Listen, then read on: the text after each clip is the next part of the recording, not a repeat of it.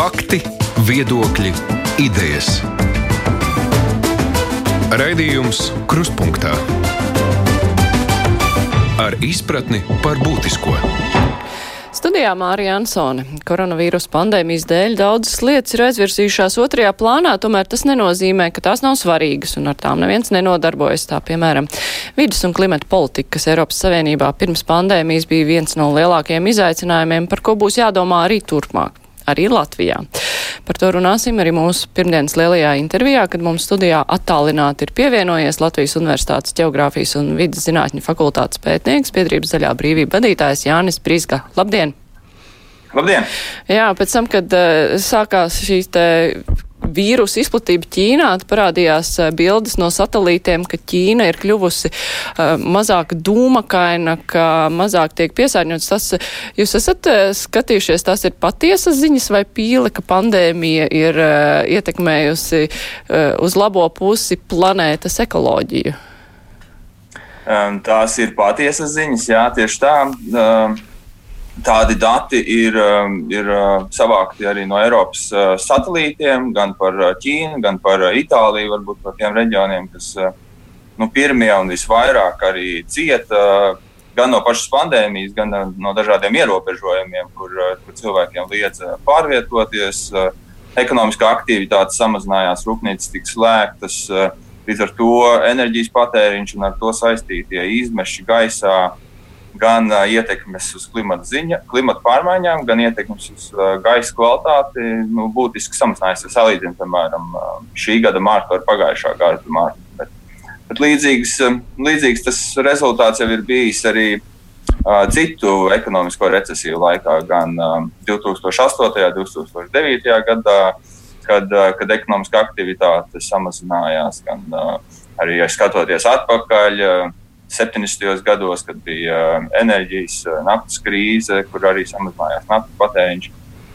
Taču, ja skatās tos datu rindas, ja, tad um, mēs ļoti ātri pēc, uh, pēc šādām recesijām, pēc tādiem īstermiņa varbūt šokiem, um, nu, atgriežamies tajā vecajā situācijā, kur emisijas atkal atgriežas vecajā līmenī, vai viņas pat uh, ir lielākas nekā iepriekš bijušas. Es negribētu tādu lielu cerību likt uz to, ka šoreiz būs kaut kas savādāk. Ja nu, tā mēs... tev arī ekonomikās ir paredzēts uh, likt iespējami daudz naudas, lai to, kas ir apstājies, varētu ātri, ātri iekustināt. Tieši tā, tieši tā. Tāpēc nu, arī daudzi, daudz vidas zinātnieki, arī vidas organizācijas visā pasaulē mēģina nu, griezties pie valdībām ar dažādām idejām, kādā veidā mēs, mēs varētu to ekonomiku restruktūrizēt tādā veidā, lai uh, lai mēs nu, atgūstamies tīri tādā labklājības ziņā, bet lai mēs tās piesārņojam, visas tās negatīvās vidas slodžu lietas spējam samazināt. Un tas, tas prasītu kaut kādas izmaiņas tajā ikdienā. Nu jā, bet nu, jau 18. gadā bija tā 240 zinātnieku vēstule, kurā Eiropas Savienība tika aicināta uh, dalību valstis gatavoties, tai citēšu, pēc augsmes nākotnē, kurā priekšroka ir cilvēku un ekoloģiskai labklājībai, nevis iekšzemes koproduktam. Šīs lietas parasti ir ļoti saistītas. Liels IKP, augsta labklājība kā var būt cilvēku labklājība, ja nav tas augstais IKP? Kur tad slēpjas tā izaugsme? Tas tiešām ir viena no tādām lietām, par ko arvien vairāk un vairāk diskutē. Principā ir vairāk, vairākas lietas, kas no, no, no, noved pie tā, pie tā piesārņojuma resursu noplicināšanas un tam līdzīgi. Tas ir tas, ka mēs skatāmies atpakaļ 100, 150 gadus atpakaļ. Uh, Um, cilvēku skaits uz pasaules ir palielinājies ļoti būtiski. Ja tagad mēs esam vairāk kā 7 miljardi, ap otro pasaules karu bija 2 miljardi. Mēs visi gribam uh, dzīvot labās mājās, uh, ēst, uh, braukāt ar mašīnām un tam līdzīgi. Uh, tā kā ja augot cilvēku skaitam, aug arī labklājība, tāda materiālā labklājība. Un, un tas viss, protams, noved, noved šī, pie, šī, pie šī piesārņojuma. Tāpēc arvien vairāk un vairāk zinātnieki domā, ka uh, tīri tāds efektivitātes uzlabojumi nespēja nodrošināt to, ka mēs, eh, ka mēs to piesārņojumu spējam samazināt, jo mūsu efektivitāte netiek līdz tam ekonomiskajam izrāvienam un iedzīvotāju skaita pieaugumam.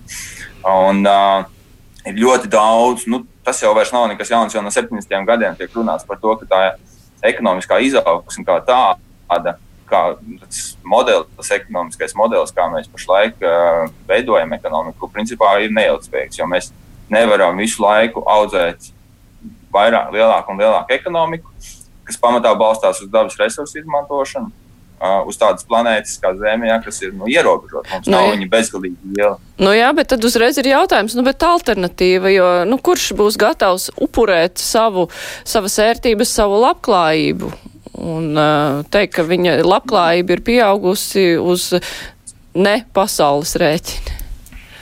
Nu, es domāju, ka labklājība jau nav tikai vairāk mantās un, uh, un vairāk uh, precēs uh, tādās materiālajā labklājībā. Mēs, man liekas, ir uh, vissevišķi nu, tādās rietumu uh, rietum valstīs. Uh, uh, attīstītajās valstīs, teikt. Jā, mums jāsaprot, ka uh, mums ir jāapstājās tās materiālās labklājības audzēšanā. Mums vajag kaut kā skatīties plašāk, nedaudz uh, pievērsties varbūt kvalitātei, labākai dzīvei, nekā tikai vairāk un uh, vairāk un lielāk. Bet jūs varētu kā... noraksturot uh, šo te labāko dzīvi, kvalitatīvāko dzīvi?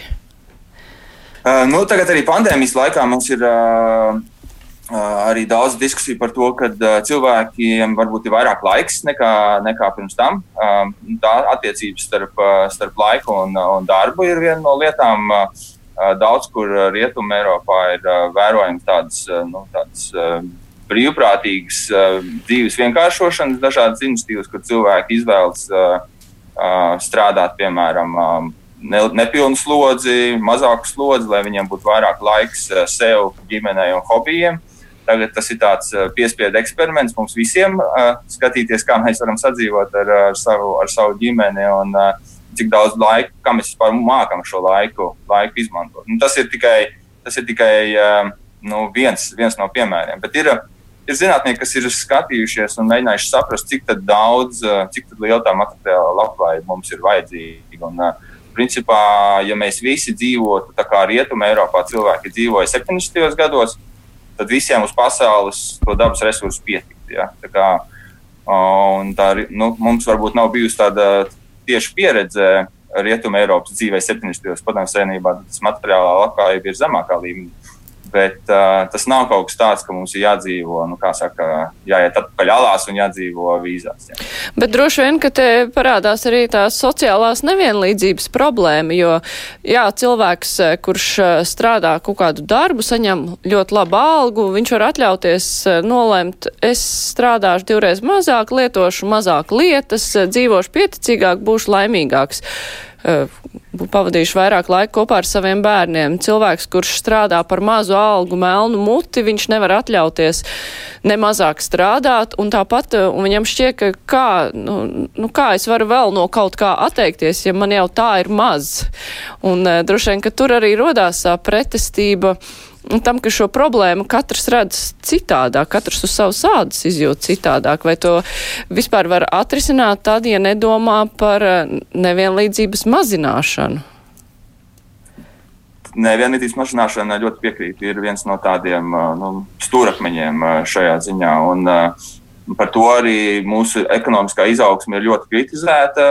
Ir ļoti daudz Nobelas prēmijas laureātu ekonomistu, kas ir kritizējuši tieši uh, to, kādā veidā šī ekonomiskā izaugsme nav spējusi mazināt to nevienlīdzību, kas sabiedrībā pastāv. Ja? Tāpēc tas noteikti arī ir kaut kas tāds, ar ko mums, jāpie, mums jāpievēršas. Ne, ne tikai nevienlīdzību starp nezinu, Latviju un Afganistānu vai starp dažādām valstīm, bet arī vienas valsts ietvaros. Mēs jau arī Latvijā šeit redzam, ka kad uh, Latvija arī tiek uzskatīta par vienu tādu Eiropas valstīm, kur tā nevienlīdzība ir ļoti, ļoti liela un tas vidusslānis varbūt neveidojas eh, nu, tādos, eh, tādos apjomos, kā, kā, kā, kā, mums, eh, kā mums gribētos. Kā, tas, ka mums jāpievēršās nevienlīdzības mazināšanai, noteikti, noteikti ir viens no tādiem, nu, tādām lietām, kas, es domāju, šeit vides aizsardzības idejas parasti nu, mēģina to nevienlīdzību arī ņemt vērā tajās, tajās savās diskusijās, kas, kas ir. Jo.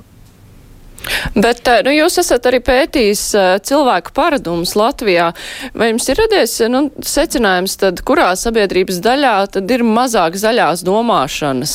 Vai tā ir tā turīgā daļa, kas varētu mainīt domāšanu, atteikties nu, no kaut kā savā dzīvē, kļūt zaļāka, vai tā ir tā nabadzīgākā daļa, kas varbūt daudz ko nevar atļauties tajā pašā laikā, nu, jā, izmanto droši vien neekoloģiskas lietas, brauc ar dīzelīti, jo nu, kaut kā mēģina sakārtot to savu sadzīvi, kas varbūt nu, nesanāk īpaši zaļi. Jums ir radušies secinājumi, kā, kādi mēs Jā. esam? Nu, mēs esam ļoti daudzveidīgi un ļoti dažādi. Visus vienā kastē mūs nevar, nevar salikt, bet uh, mēs tieši pirms, pirms diviem, diviem gadiem, manuprāt, uh, taisījām tādu plašāku socioloģisku aptauju, kur mēģinājām noskaidrot tieši šos jautājumus par to, kā, um, nu, cik, kāda ir vidas apziņa cilvēkiem, cik daudz vide rūp viņiem un cik liels ir ietekmes uz vidi. Nu, tur bija arī jautājumi par uh, ienākumiem, par citām lietām, un uh, tas, ko jūs minējāt par, uh, par šo saistību starp ienākumiem un ietekmi uz vidi, ir ļoti izteikti. Jo lielāki ienākumi, jo lielāka ietekme uz vidi. Uh, bet uh, mēs mēģinājām to sagrupēt. Uh, sabiedrību, sabiedrību vairākās daļās. Un, uh, mums sanāca apmēram, apmēram līdzīgas daļas. Uh, cilvēki, piemēram, pirmā grupa ir cilvēki, apmēram 20%, kas rūpējas par vidas lietām. Viņiem ļoti svarīgas ir vidas lietas, un viņa ietekme uz vidi arī ir salīdzinoši neliela. Uh, tad ir lielākā daļa sabiedrības, kas bija kaut kādi 40%, ja tā no galvas atceros. Uh, ir cilvēki, kas, kurš arī saka ap, aptaujās un, un pēc tiem jautājumiem, ka viņiem vidas jautājumi ir ļoti svarīgi. Tas ir ļoti svarīgs viņu dzīves kvalitātes param, parametrs, bet viņu ietekme uz vidi ir daudz pāri tam, kas, kas, kas būtu normāli. Un tad parādās šīs struktūrālās problēmas, ka viņi nevar. Nu, mēs esam kā sabiedrība, kā indivīds, arī ieslēgti tādās uh, ekonomiskajās struktūrās, tīri fiziskajā infrastruktūrā, kas mums ir apkārt, arī dažādās sociālajās struktūrās, no kurām mums ir grūti izrauties. Un, ja mums ir laba izglītība, labi ienākumi, tad mums ir ļoti grūti nonākt tajā punktā, ka mums ir neliela ietekme uz vidi. Jo elektrība mums piedāvā tādu, kā mums ir. Tagad mēs arī varam izvēlēties, varbūt, bet ne, tas arī nevienmēr ir skaidrs. Uh, Mums ir, nu, nezinu, ja mums nav velosipēdiņš un nav kur nomazgāties, nu, reti kurš cilvēks tad izvēlēsies braukt ar velosipēdu uz darbu. Tā kā ir daudz dažādu šīs lietas, kas, kas cilvēkus ierobežo tīri tādā fizikālā līmenī, kā arī tādā sociālā, kur varbūt kā uz mani skatīsies, kā citi padomās par to, ja es darīšu kaut kādas lietas, vai arī pietrūks kaut kāda plašāka sociālā spiediena. Tā kā tādas lietas ir. Un tad tās trešā un ceturtā grupa cilvēku bija trešā grupa cilvēku, kas, kuriem vidas jautājumi neinteresē. Viņiem viņi nav svarīgākie, bet viņu ietekme uz vidi ir maziņa. Tāpēc, ka viņi ir spiesti braukt ar sabiedrisko transportu, dzīvot varbūt mazākās ēkās un tam līdzīgi. Tā kā, un ceturtā grupa ir tā, kas, kur varbūt visgrūtāk ir aizsniegt cilvēku, kuriem ietekme uz vidi ir liela un kuriem arī neinteresē īsti vidas jautājumi. Un šādā veidā mēs varam skatīties arī kādā veidā, kā dažādi vidas politikas pasākumi, kas, ko valdības īsteno, vai viņi ir mērķēti uz kādu no šīm grupām, vai arī viņi ir pietiekami vispārīgi un tāpēc, aiz, tāpēc varbūt spēj nu, efektīvi vērsties tikai pret kādu no vienām grupām. Parasti jau visvienkāršāk ir uzrunāt tos, kas jau ir interesējušies par vidas tēmām, Un reti, kad mēs tiešām aizsniedzam cilvēkus, kuriem vidas jautājumi neinteresē vai, vai ir vienaldzīgi.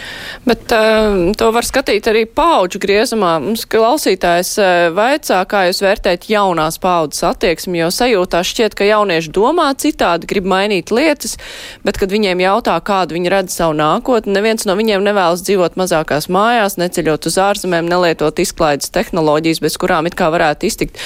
Jaunieši daudz ir iedvesmojušies no Grētas stundas Thunbergs tajā pašā laikā. Viņi saka, jā, labi, mēs neēdam gaļu, mēs neēdam lielopus, bet uh, pērk, prasa vecākiem pirkt čijā sēklas un avokādo, kas tiek vests no nezinu kurienes, kur tiek kurināta degviela, protams, ārzem ceļojumi vispārējais. Nu, kāda ir jauniešu saprašana un vēlmes, ja tas parādījās jūsu pētījumā? Nedaudz, nedaudz mēs redzējām arī, arī tādas paudžu izmaiņas, un tās lielākās ietekmes uz vidi parasti bija tādā pusmūža, pusmūža vecumā varbūt. Bet nu, jaunieši, protams, arī ir ļoti dažādi. Un, un Grēts Thunbergs varbūt, piemēram, seko tikai pavisam nelielu daļu. Varbūt mēs viņu tā redzam kaut kādā veidā vairāk mēdījos, bet viennozīmīgi, ka visi, visi jaunieši nav tieši vērsti uz, uz, uz kaut kādiem vidas, vidas jautājumiem, vidas aspektiem. Taču Daudz kur arī citur, citās, citās pasaules malās jaunieši ļoti aktīvi nu, spēj šo ziņu un to aktualitāti par klimatu pārmaiņām, it sevišķi par atkritumu jautājumiem, par dzīvnieku tiesībām pacelt nu, tādā, tādā sabiedrības uzmanības centrā. Un tieši tas viņu tas jauniešu ambiciozisms un uh, nu, tāda sajūta, ka tas ir svarīgi un ka tas ir jārisina, palīdz, palīdz šos jautājumus kaut kādā veidā aktualizēt. Bet, protams, ja mēs skatāmies, kādā veidā sabiedrība mainās, pēc tam caur paudzēm tie paši jaunieši dabū darbu, apprecās, mainās viņu apkārtējā sociālā vide un uh, viņi paši mainās. Varbūt to nemaz īsti neizjūtot. Un, uh, viņi nonāk uh, nu, pusmūža vecumā, kur viņu tās ietekmes uz vidi ir atkal atgriežas jau nu, tāpat kā viņu senču līmenī, un, un viņi varbūt vairs negrib konfliktēt. Mēs arī veikuši esam daudz dažādas intervijas ar, ar, ar cilvēkiem, kas, nu, kas arī parāda to, ka daudz no tiem varbūt tādiem sadzīviskiem vidas jautājumiem par atkritumu šķirošanu vai ko ēst, ko nēst, ir, ir, um, nu, ir tādi risināmi brīžiem uh, tādā atkarīgi, jebkurā gadījumā no ģimenes. Nu, viens sievietes stāstīja, ka uh, viņai nomiris ir uh, vīrs, viņa jau bija pensijas, pensijas vecumā, un, uh, un principā viņa to redz, ka tagad viņa ēd savādāk, viņa, viņa dzīvo savādāk viņa nesot gribējusi konfliktēt ar savu vīru par, par tādām lietām. Tā tas droši vien nu, daudz, daudz cilvēku to var saskatīt arī savā, savā ikdienā, kad mums gan pozitīvā, gan negatīvā ziņā mūsu, mēs ietekmējamies viens no otra. Mm. Bet, e, pirms pandēmijas Eiropas Savienībā bija tāds nu, diezgan stingrs uzstādījums, ka tagad mēs līdz 50. gadam samazinām izmešus. Tur e, tika minēts, nu, bu budžets jau vēl nebija pieņemts, bet e, jau tika minēts e, noteikti milzīgas summas, kas tiks tam veltītas. Vai tagad ir bāžas, ka tas, e, nu, apsīks, ka tas entuziasms samazināsies, jo tagad nu, naudu vajadzēs, lai ekonomika atkoptu. Vai šis zaļais kurs var sabremzēties, kā jums šķiet? Nu, mums tādas uh, vidas organizācijām, kas uh, Eiropas līmenī strādā, kur mēs arī esam iesaistījušies, protams, visu laiku ir tās bāžas, tāpēc, ka ir ļoti daudz aktīvu un rūpniecības lobby grupu, kas, uh, kas mēģina izmantot šo, šo situāciju. Nu, katrs, protams, mēģina izmantot šo situāciju savā, savās interesēs, savā labā. Tāpēc um, agroķīmijas uh, uzņēmumi uh, mēģina lobēt eh, Briselē par to, lai ierobežotu vai kaut kādu ilgāku laiku atliktu lauksainiecības politikas eh, izmaiņas, kas bija lielā mērā tādas vidas, vidi vērstas eh, un citas, citas lietas. Taču ja pēdējās, pēdējās pāris nedēļās tas, kas ir dzirdēts no, no Briseles no ierēģiem un politiķiem, ir tas, ka mēs pieturamies pie zaļā kursa un mēs saglabājam šo virzību Arī Vācija, kas ir viena no tādām ietekmīgākajām Eiropas, uh, Eiropas dalību valstīm, ir paziņojusi, ka to, ka klimata mērķi nekur nepazūd, mēs pie viņiem pieturamies. Latvija arī ir uh, pievienojusies ambiciozo valstu grupai, kas, uh, kas iestājas par to, lai mēs izteiktu augstākus klimata mērķus arī uz 30. gadu. Tā kā nu, pašlaik pagaidām izskatās tā, no tā vidas, vidas skatījuma diezgan pozitīvi. Jo es domāju, politiķi arī redz to, ka šie pasākumi, kas, kas ir iekļauti, nu, cik viņi tur ir precīzi definēti zaļajā kursā, ir tādi, kas palīdzētu uh, atkopties kaut kādā veidā ekonomikai. Varbūt arī restruktūrizēt kaut kādā ne, vismaz nelielā līmenī enerģijas sektors un citas jomas. Tās investīcijas, kas būtu caur publisko sektoru, jau palīdzētu palīdzētu arī nu, radīt jaunas darba vietas. Un ļoti daudz pētījumu rāda tieši to, ka šīs nu, zaļās ekonomikas, tā var teikt, aktivitātes ir tās, kas uh, dod vairāk darba vietas un, uh, un ir arī ar tādu pozitīvu ietekmi uz, uh, uz, uh, uz tautsēmniecību kā tādu, ne tikai uz vidi. Tajā jo es domāju, ka es domāju, ka nu, zaļais kurs ir, ir, ir laba lieta no vidas, no, no vidas skatu punkta. Protams, daudz varbūt gribētu, lai viņš būtu daudz ambiciozāks un, un, un tāds radikālāks, jo apzinoties to, cik daudz mums ir jāizdara līdz 50. gadam. Bet nu, jā, viņš ir politisks kompromiss, kas ir pieņemts dažādām pusēm vienojot. Jā, bet uh, tagad pandēmijas laiks arī parādīja, nu, cik ļoti Eiropa ir atkarīga no Ķīnas.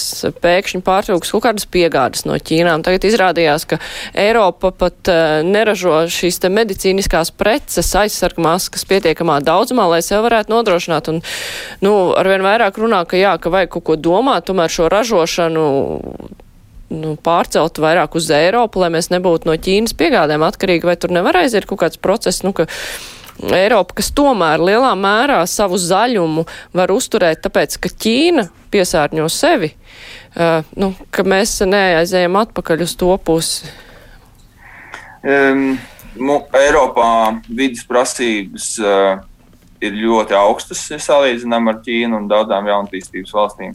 Tas ir bijis arī viens no tādiem varbūt, iemesliem, kāpēc tā rūpniecība ir pār, pār, pārvirzījusies uz, uz uh, reģioniem, kur uh, darba spēka izmaksas ir zemas un varbūt vidas apgrūtinājumi, vidas prasības ir mazākas.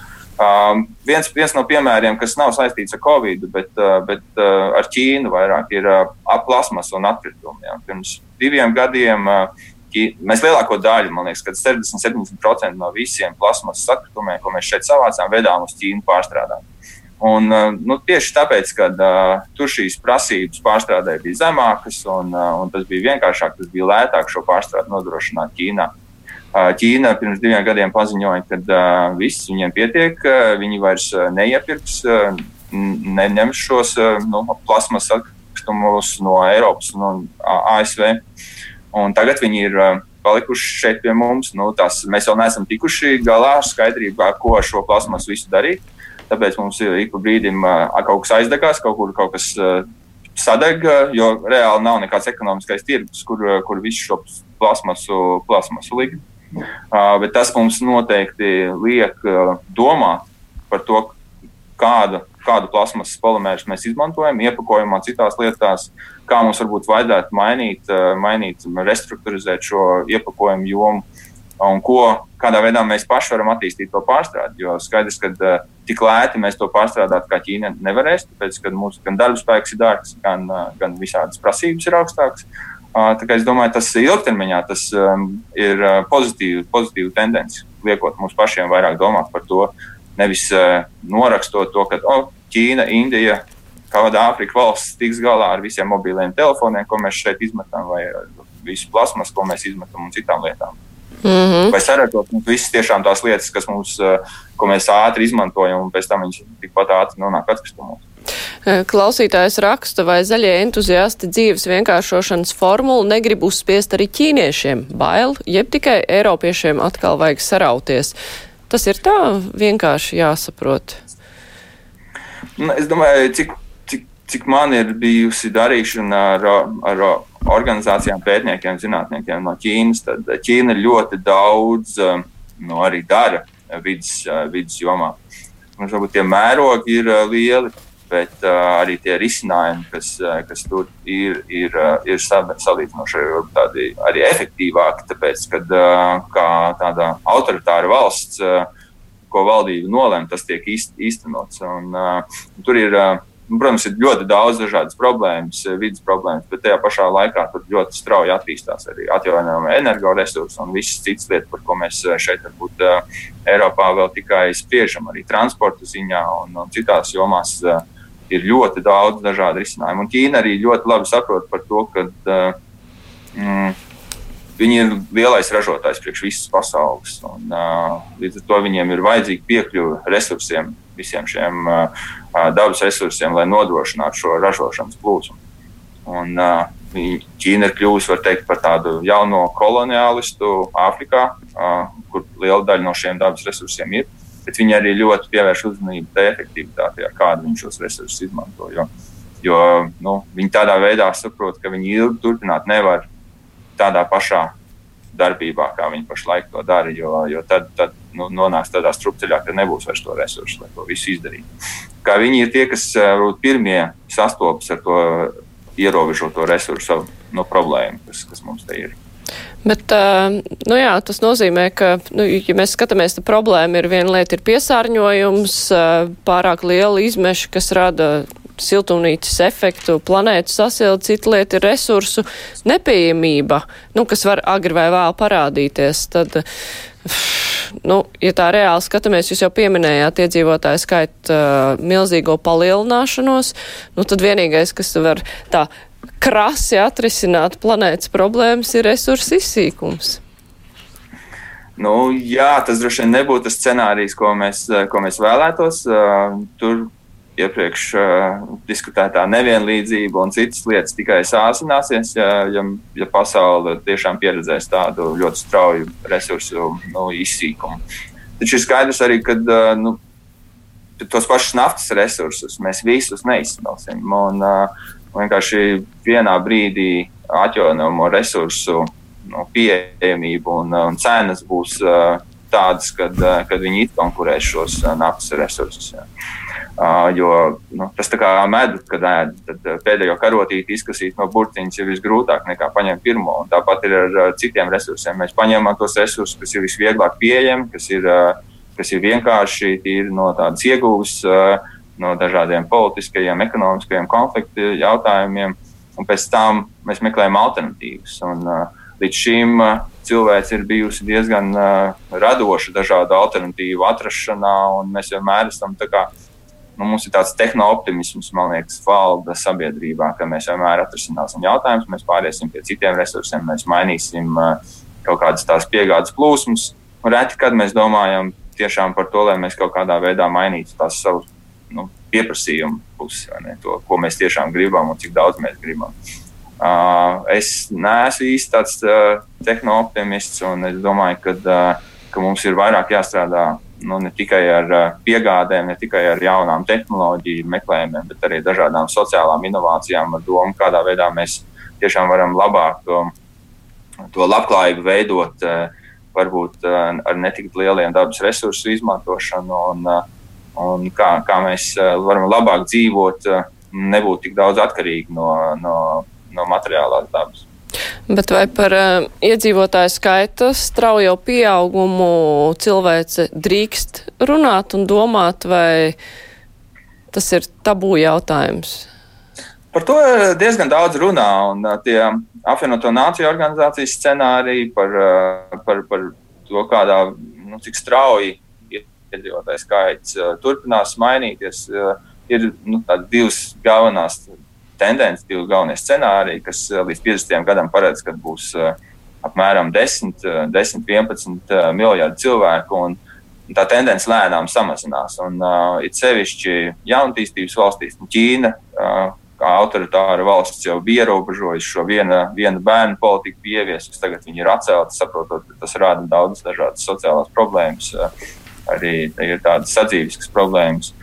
Um, man liekas, ka labākais, um, nu, labākais veids, kā daudzās Āfrikas valstīs, tāpat Irāna ir tāds veiksmīgs piemērs iedzīvotāju skaita jautājumā, ir uh, sieviešu izglītība, sieviešu iesaistīšana un sieviešu tāda um, nu, vērtības varbūt sabiedrībā celšana. Kas, ka sieviete nav vienkārši bērnu radītājs, kas daudzās sabiedrībās, diemžēl, vēl joprojām nu, ir tāds, tāds uzskats. Un tas, tas arī maina to uh, bērnu, bērnu skaitu, kas, kas, um, kas, ģimenēs, uh, kas ģimenēs ir. Tā, protams, daudzās, daudzās, daudzās valstīs ir ļoti liels uh, ģimenes, un, uh, un tas ir gan uh, reliģiski apsvērumi, gan citas lietas, kas, uh, kas to vada. Tajā pašā laikā uz šo iedzīvotāju skaita pieaugumu uzskatīt par problēmu, iespējams, ir arī bīstami. Bils Geits runāja par to kādos publiskos pasākumos, un tagad viņam pārmet, ka viņš grib čipēt pasaules iedzīvotājus ar vakcīnu palīdzību. Ir tāda sazvērstības teorija. Jā, nu, nu, protams, um, Latvijā mēs arī parasti nerunājam par to, ka mums ir pārāk daudz cilvēku. Jā. Mums ir drīzāk uh, pretēji problēma, ka mēs, uh, ka mēs izmirstam, jo mums iedzīvotāju skaits samazinās. Uh, tā kā tās problēmas dažādās pasaules malās ir ļoti, ļoti atšķirīgas. Un, protams, um, jautājums par, par iedzīvotāju skaita kontroli, tas, nu, šeit, šajā gadījumā es ne, neesmu domājis par to, ka tai jābūt tādā, tādā tehniskā veidā, nezinu, ar piespiedu kastrācijām vai, vai vēl kaut ko tamlīdzīgu. Tas, tas noteikti ir tāds uh, autoritāra pieeja. Vai tāpat Ķīnas pieeja, domāju, arī diezgan aplama ir bijusi ar šo vienu bērnu politiku, kas rāda tiešām lielu spriedzi, spriedzi sabiedrībā un, uh, un arī nevienlīdzību tikai aktualizē un citas lietas. Mm. Labi, mēs turpināsim sarunu par vidas politiku pasaulē, Eiropā un Latvijā. Turpmāk pievērsīsimies vairāk Latvijai. Es tikai atgādināšu klausītājiem un arī skatītājiem, ka šodien attālināti mums studijā ir pievienojies Latvijas Universitātes Geogrāfijas un vidas zinātņu fakultātes pētnieks biedrības zaļā brīvība vadītājs Jānis Brīsga. Raidījums Krustpunktā. Jā, ko Latvija visā šajā te Eh, pasaules zaļināšanas procesā var darīt. Mēs ar tādām mokām ejam uz atkritumu šķirošu, eh, depozītu sistēmas izveidošanu. Ar šķirošanu mums ir arī nu, diezgan pašvaki. Eh, galvaspilsētā, kur visam vajadzētu būt ļoti sakārtotam, viss ir, nu, kam ir pieejams, kam nav pieejams. Vai atkritumu jomā, piemēram, notiek šobrīd kaut kāda kustība pareizajā virzienā, vai viss joprojām ir tādā pussastinguma stāvoklī? Nu, es domāju, cik es redzu, tad atkrituma jomā notiek dažādas kustības, dažādos virzienos. Kurš, kurš virziens vinnēs, es īsti vēl um, nezinu, grūti tās piest. Bet ir skaidrs, ka uh, tā interese par atkritumiem sabiedrībā ir ļoti liela.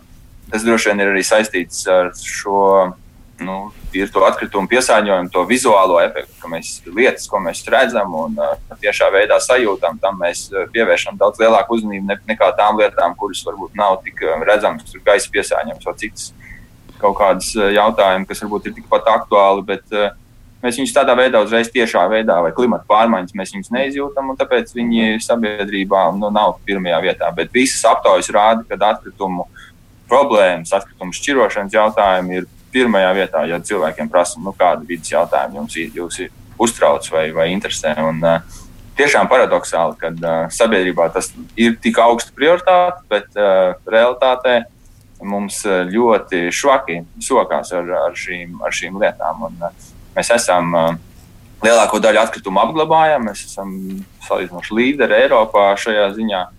Labi, citās Eiropas valstīs daudz ko sadedzina, un Latvija arī pašlaik vēlas iet šajā virzienā, dedzināšanas virzienā, saprotot to, ka liela daļa no atkritumiem nevienam nav vajadzīga, neviens viņus jau ir sašķirots, viņš neviens viņus neņems. Nu, nav īsti tirgus, tirgus šiem, šķirotajiem atkritumiem.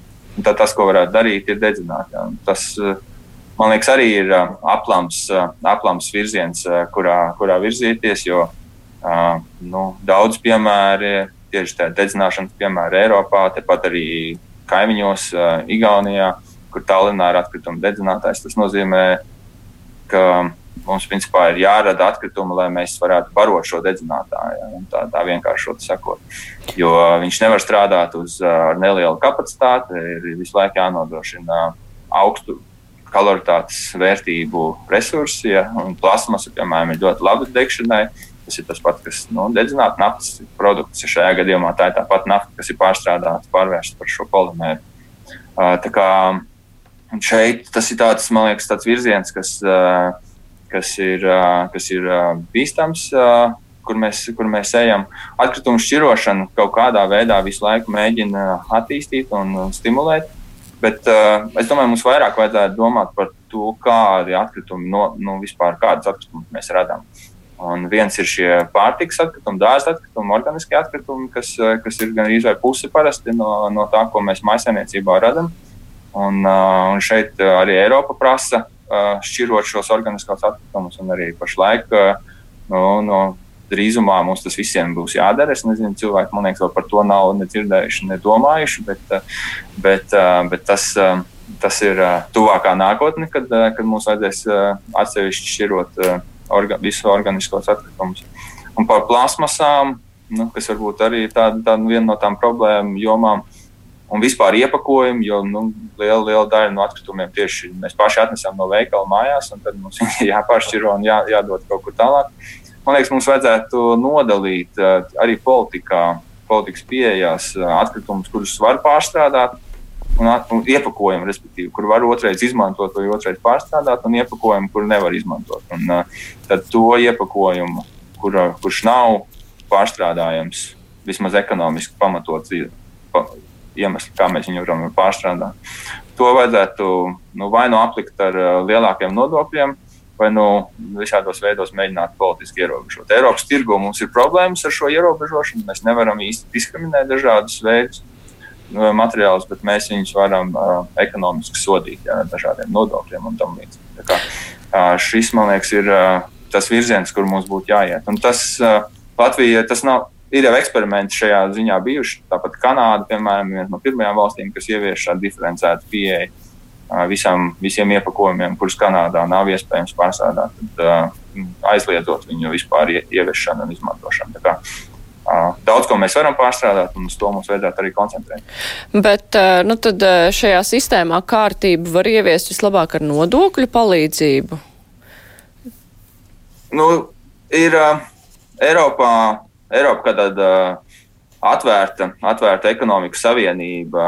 Nu, parasti viens no tādiem Eiropas tā līguma pamatprincipiem ir, ka mēs nediskriminējam viens pret otru un dažādas materiālus un tam līdzīgi. Tāpēc eh, šie nediskriminācijas principi ir iestrādāti dažādos Eiropas līgumos un aizliegt, eh, es domāju, tas būtu juridiski sarežģīti paņemt un aizliegt kaut kādu, kaut kādu polistirolu vai kaut ko. Ja tas nav aizliegts Eiropas līmenī, aizliegts vienkārši Latvijā. Vai arī tas aizliegums tad jāpanāk tieši Eiropas līmenī. Un otrs veids ir šie ekonomiskie instrumenti. Un Eiropa visu laiku ir savā politikā nu, gājuši šo tādu liberālo ceļu ar ekonomisko instrumentu palīdzību, arī veidojot to politiku. Tie ir uh, nodokļi, tas ir nodokļu sistēmas principā jautājums. Uh, protams, arī ražotāju atbildības sistēmas. Uh, Latvijā ir vairākas ražotāju atbildības sistēmas, kur ražotāji apvienojas uh, un apņemas daļu no tiem materiāliem, kas ir palaisti tirgu, pēc tam savākt atpakaļ un nodot pārstrādē. Ražotāja atbildības sistēmas arī šīs nu, liberālās politikas piemērs, kas ir ekonomiskais instruments, principā, kas atbildību pārliek uz ražotājiem. Un, Pašlaik, pirms iepriekšējās Eiropas komisijas laikā, tika pieņemts vairākas atkritumu, jaunas regulējumus atkritumu jomā arī par vienreiz lietojamo plasmasu, kas arī ļoti būtiski palielina ražotāju atbildību. Arī nākotnē vajadzēs cigarešu tirgotājiem uzņemties atbildību par izsmēķu šiem filtriem un galiem, kādā veidā viņi pēc tam mēģinās savākt atpakaļ. Tas gan ir vēl mums vēl pāris gadu laika līdz, līdz tam. Nodokļu un ražotāju atbildības sistēmas tie ir tie galvenie instrumenti, kas Eiropā tiek izmantoti. Ar nodokļu palīdzību var ietekmēt cilvēku paradumus, saražot mazāk atkritumus. Nu, mēs jau un mēs it kā mēs mēģinām uzvesties racionāli un mēģināt reaģēt uz dažādiem ekonomiskiem stimuliem. Protams, daudz pētījumu arī rāda to, ka no, nu, cilvēkus ietekmē ne tikai šīs racionālās izvēles. Jā, mums, mēs varam, nezinu, pērkot, pērkot jaunu dīvānu, mēs varam racionāli domāt par dažādām lietām, bet bez tam izvēlēties pēc krāsas tāpat. Tā tas tas, tas ne, ne, nu, neizsver viens otru. Bet, uh, Es domāju, ka mēs esam jūtīgi pret dažādiem. Ceļš Latvijā cilvēki varbūt ar mazākiem ienākumiem ir jūtīgi pret dažādām lietām. Taču šeit var atkal parādīties tās nevienlīdzības problēmas, kad cilvēki, kur var atļauties piesārņot, viņi piesārņo, tāpēc ka tas nodoklis viņiem ir ne tik liels kā, kā cilvēkiem ar mazākiem ienākumiem. Tā kā, um, nevienlīdzība, tas nodokļu politika šādā veidā nu, nerisina. Mm. Nu labi, viena lieta ir atkritumi, kur mums arī ir jāsasniedz eh, kaut kāda Eiropas Savienības rādītāji, ko iespējams būs diezgan grūti izdarīt, bet enerģija, zaļā enerģija Latvijā. Uh, nu, sabiedrības attieksme nav tāda ļoti vienota, jo Jā, teorētiski mēs domājam, jā, ir būtu labi atjaunojumā enerģija. Tajā pašā laikā visi atcerās OIK afēru, kur tiek tik iekasēts, tas, tas jau kaut kādu tādu mīnusu šai enerģijas slavai dod. Un cita lieta ir, cilvēki baidās arī par savu dzīves kvalitātes kritumu, ja mēs, piemēram, runājam par vēja parkiem. Ja grib kaut kur celt vēja parku, uzreiz ir iedzīvotāja pretestība, jo, un arī var saprast, nu, ka cilvēki baidās, ka viņu dzīves kvalitāte kritīsies. Nu, kā cilvēkus uh, vai, vai pārliecināt, lai viņi tam piekristu, vai mēģināt kaut kādus citus veidus, lai mēs tad varētu uh, šo te citus enerģijas veidus ieviest? Mm, pašlaik mēs pamatā izmantojam gāzi elektroenerģijas ražošanai un Daugaus hidroelektrostacijas. Tie ir pieņemti kā tādi salīdzinoši vidē draudzīgi enerģijas iegūs veidi, ja ceļš, mēs runājam par, par elektroenerģiju un arī siltumu. Rīgā. Un arī koksni tiek plaši izmantot ārpus lielajām pilsētām. Tā, tāds galvenais siltuma, siltuma avots. Protams, arī visi šie resursi rada būtisks ietekmes uz vidi. Par gāzi, sevišķi pēdējos uh, divos gados, ir ļoti daudz pētījumu, kas rāda to, ka gāze nav tik, tik zaļa, kā viņu bieži vien mēģina parādīt. Jo, Uh, jo lielas metāna emisijas ir uh, ražošanas procesos un tam līdzīgi. Tāpat arī koksnes ieguvumu mēs nevaram uh, visus savus mežus nodedzināt, ja mums ir nesiltinātas mājas un tam līdzīgi. Um, un Daugaus Hesi, tas ir, kā mēs esam padavušies, ka Daugava ir zaudēta elektroenerģijas ražošanai, ja mēs varbūt negribam būvēt vēl vienu Hesi pie Daugavpils Bet, uh, bet tāpat arī cilvēki diezgan uh, pretojās uh, šo mazo keisu iniciatīvām, kas jau bija 90. gados. Līdzīgi tāpat arī dažādām šīm jaunajām iniciatīvām attiecībā uz vēja, vēja parkiem, kas, kas pašlaik ir. Viss, jebkurš enerģijas iegūs veids radīs kaut kādu, kaut kādu ietekmi uz vidi, ja, un arī varbūt uz sabiedrības tādu attieksmi. Vai mēs paši spējam nu, vērsties aktīvi uz tajā virzienā, lai mēs samazinātu enerģijas patēriņu. Droši vien atkal nē. Un tad mēs esam tādās sprukās, kur mēs, mēs, ne, mēs gribam tērēt tikpat daudz enerģijas, kā mēs esam tērējuši līdz šim. Un, uh, un varbūt iegūt viņu kaut kur, nezinu, kur, lai viņi būtu maksimāli, maksimāli tīri un zaļi. Par vēja parkiem arī ir, ir daudz pētījumu gan šeit, Latvijā, gan, gan citās valstīs. Un, It sevišķi attiecībā uz Lielbritāniju, uz Norvēģiju, kur tas viens no tādiem galvenajiem secinājumiem ir, ka šo vēja parku attīstībā ir jāiesaist vietējās kopienas. Un, tādā veidā dodot viņiem vai nu daļas pašā vēja parkā, vai lētāku pieeju energoresursiem, kas nāk no šiem vēja parkiem. Tas ļoti motivē vietējās kopienas, un tā pretestība pret vēja parkiem samazinās. Ir uh, daudz arī tādi, nu, varbūt ciemati, varbūt vairāk tādi, kas ir uz salām kaut kur, piemēram, Skotijas salām, kur viņiem vienkārši nav citu enerģijas avotu. Viņiem līdz šim bija, viņi dedzināja mazotu uh, un tādā veidā ražoja enerģiju. Tagad viņi ir izveidojuši vēja parkus, un viņi ļoti apmierināti un priecīgi par tiem rezultātiem. Tā kā te, man liekas, nu, šo varētu tā teikt, manipulēt ar cilvēkiem, iesaistot viņus, iesaistot viņus dažādās šajās, šajās iniciatīvās. Un tad arī tās negatīvās sekas nu, nav tik aktuāls vairs, jo tiešām nav īsti tāda zinātnisku pamatojumu par to, kādā veidā vēja parku, nu, vēja parku veidi rotori ietekmē cilvēku kaut kādus sajūtas vai citas lietas. Protams, cits jautājums ir par putniem, par ceļš uh, par sikspārņiem, kur šie vēja rotori var būt ceļš attiecībā uz sikspārņiem, kur spiediena izmaiņās viņi iet bojā. Bet Latvijas ornitologi ir diezgan labi nokartējuši dažādas vietas Latvijā, gan jūrā, gan, gan uz sauszemes, un parādījuši tās, nu, tās optimālās vietas, kur šos vēja parkus var būvēt. Tur, man liekas, ir jau desmit gadus ir diezgan skaidrs zināms, kurā vietā mēs varam būvēt vēja parkus un kurā vietā mēs nevaram. Bet, uh, man liekas, labs risinājums būtu jūrā būvēt vēja parkus. Kas bet, ir dārgāk? Uh, Tas ir daudz dārgāk, jā, tieši tā. Kaut gan mēs varam būvēt diezgan, diezgan nu, mūsdienās šie, šie rotori var būt diezgan augsti, arī augstos mastos un arī diezgan, diezgan jaudīgi. Tā kā tur varbūt arī tas var atmaksāties. Es domāju, ja uz zaudējumus neatradīs tādas optimālas vietas, kur to darīt, tad, eh, tad arī investori ies jūrā, lai, lai, šo, lai, lai šo enerģijas ražošanas veidu attīstītu. Bet jūs minējāt piemēru, ka cilvēkus var kā, ievilināt tajā visā, viņiem, lai, rod, lai ir kaut kāds izdevīgums no tā, ka viņam blakus tur atrodas tas vējparks. Kas Latvijā trūkst, lai cilvēkus varētu ievilināt? Mums trūkst kaut kāds eh, valstiskā līmenī regulējums vai nu, kam, kam būtu jānāk ar? Iniciatīvu vai kas ir jāsakārto, lai tā varētu darīt? no vienas puses paši investori nav īsti gatavi. Man liekas, viņi mēģina iziet to virzienu, ka viņi, ka viņi var iztikt bez sabiedrības iesaistīšanas. Vien, bieži vien arī tā komunikācija sabiedrība ir tāda varbūt agresīva, un mēs nākam ar naudu, ar investīcijām. Jums jābūt priecīgiem. Ir skaidrs, ka uh, tiem cilvēkiem viņi nesaprot īsti, kāds mums no tā labums. Varbūt arī pašvaldība īsti neredz nekādu beigot tiešo labumu. Kāpēc mums kaut ko tādu vajadzētu šeit uh, attīstīt un uzturēt? Tāpēc tie, tie lēmumi tādi arī ir. Pašlaik uh, Eiropas līmenī un arī Latvijā arvien vairāk mēs uh, domājam par tā saucamajiem kopienas enerģijas dažādiem projektiem. Tur uh, dažs nu, tādas likumdošanas iniciatīvas ir vajadzīgas, lai, lai sakārtotu šo jautājumu, arī lai noskaidrotu un precizētu un arī motivētu cilvēkus caur šo pieslēgšanos tīklam, lai tas būtu, lai nebūtu jāmaksā oika kā pašlaik jāmaksā ja pašam, ja tu pats ražo elektrību un dod viņu tīklā.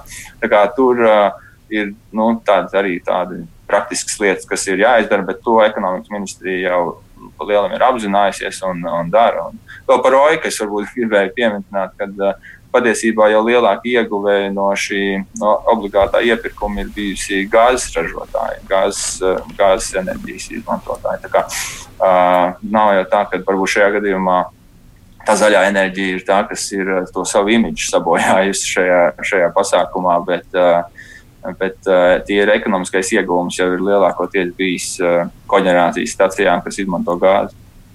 Jā, ja mēs runājam par izmešu samazināšanu, tad uh, kuras ir tās sāpīgākās jomas Latvijā? Tur arī lauksaimniecībai nāksies piemēroties, bet nu, ka, kas ir tas, ar ko nu, vismazāk var kaitēt ekonomikai, iegūt maksimālo kaut kādu efektu, kā jums šķiet? Ar, ar... Man liekas, divas aktuālas jomas, kas Latvijā ir, uh, ir transports. Mūsu ietekme uz emisijas no transporta visu laiku ir augušas pēdējās pāris dekādēs. Un, uh, diezgan maz kaut kas no, no valsts, no pašvaldības puses ir darīts, lai, lai kaut ko tādu mainītu. Un šeit gan ieteikumi uz klimatu, gan gaisa piesārņojums ir svarīgs, jo mūsu autoparks ir novecojis, mēs izmantojam vecus uh, dīzeļa automašīnas. Mūsu nodokļu politika ir bijusi tāda, lai stimulētu šo dīzeļu mašīnu izmantošanu, jo dīzeļiem ir dīzeļdegviela lētāka nekā, nekā benzīns, un arī citas alternatīvas varbūt nav īpaši attīstījušās.